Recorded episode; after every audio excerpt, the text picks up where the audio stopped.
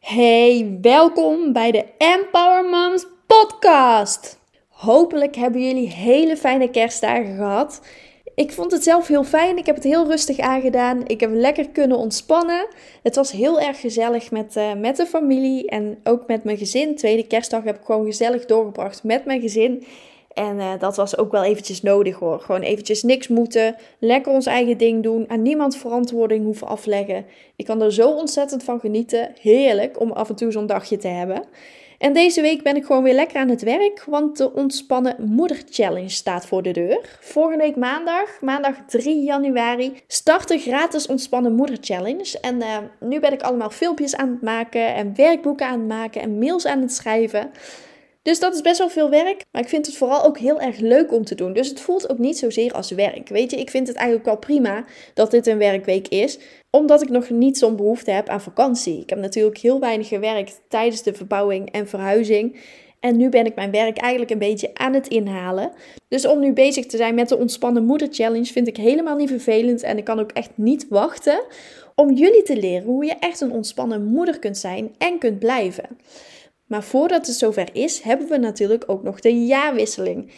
En we gaan naar 2022. Echt, het is bizar hoe snel deze tijd is gegaan. De laatste dagen van het jaar staan bij mij altijd een beetje in het teken van reflecteren en kijken wat er het afgelopen jaar goed is gegaan en hoe ik volgend jaar het liefst zou willen beleven. Dus wat wil ik meenemen naar 2022 en wat wil ik achterlaten in 2021?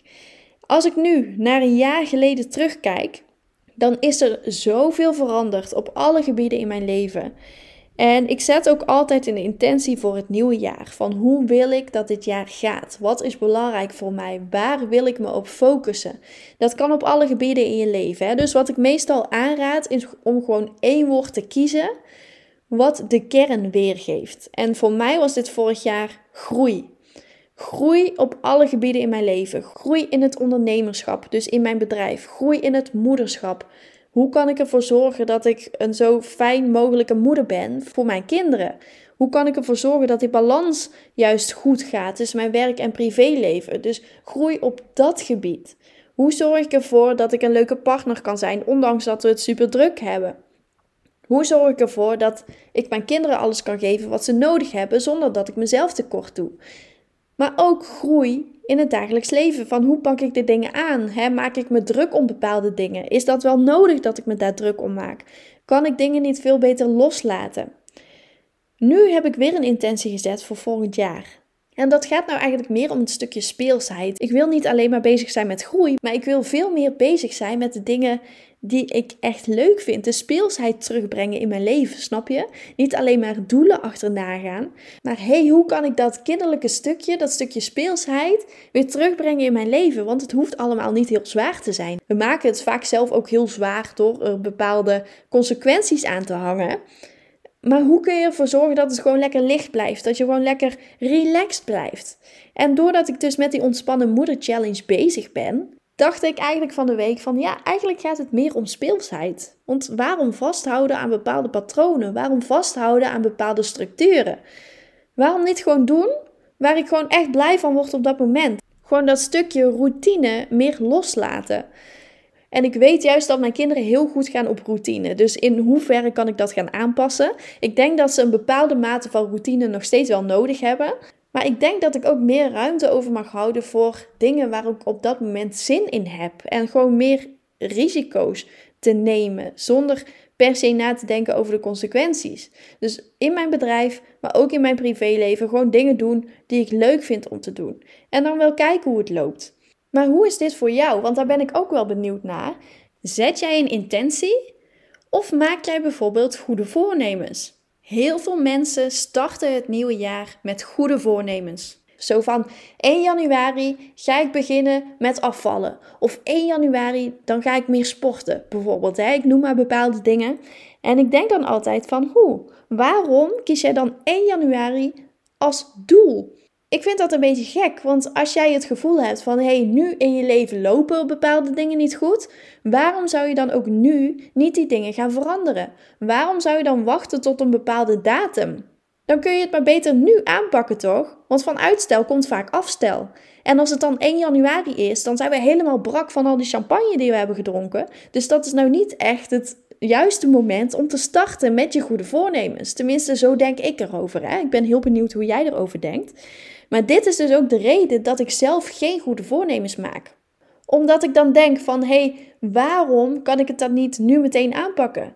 Als ik het gevoel heb van ik heb het veel te druk, ik moet het rustiger aandoen, dan pak ik dat nu aan. Dan zorg ik ervoor dat mijn agenda nu wat meer leger wordt.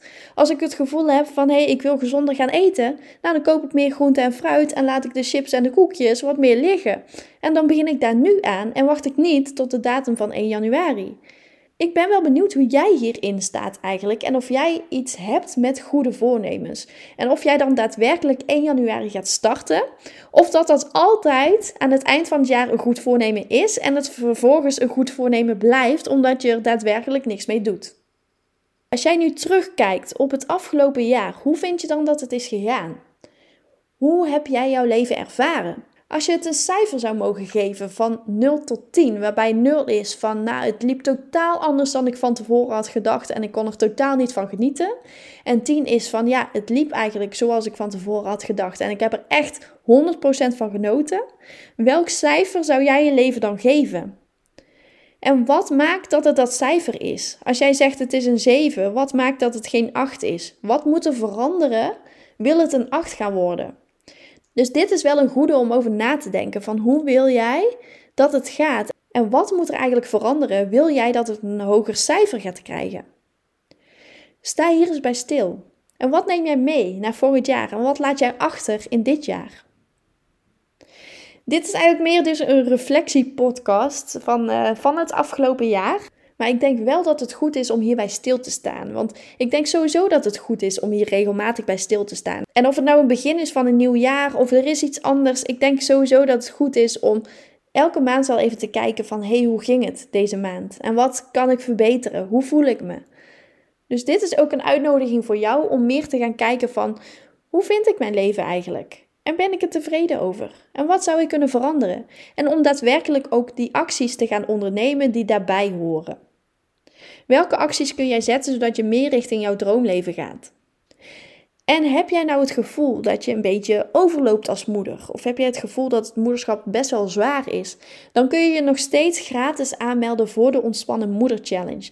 Ga dan naar empowermoms.nl Kijk bij het kopje gratis en kies daar de Ontspannen Moeder Challenge. Dan kun je je daar gratis aanmelden door je voornaam en je mailadres achter te laten.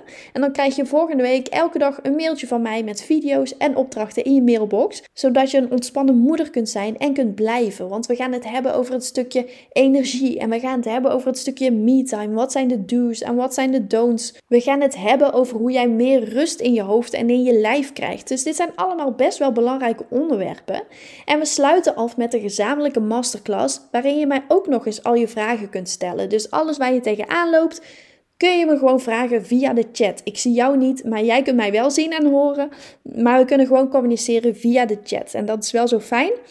Dus wil jij hierbij zijn, weet dan dat jij je nog steeds kunt aanmelden voor de gratis Ontspannen Moeder Challenge.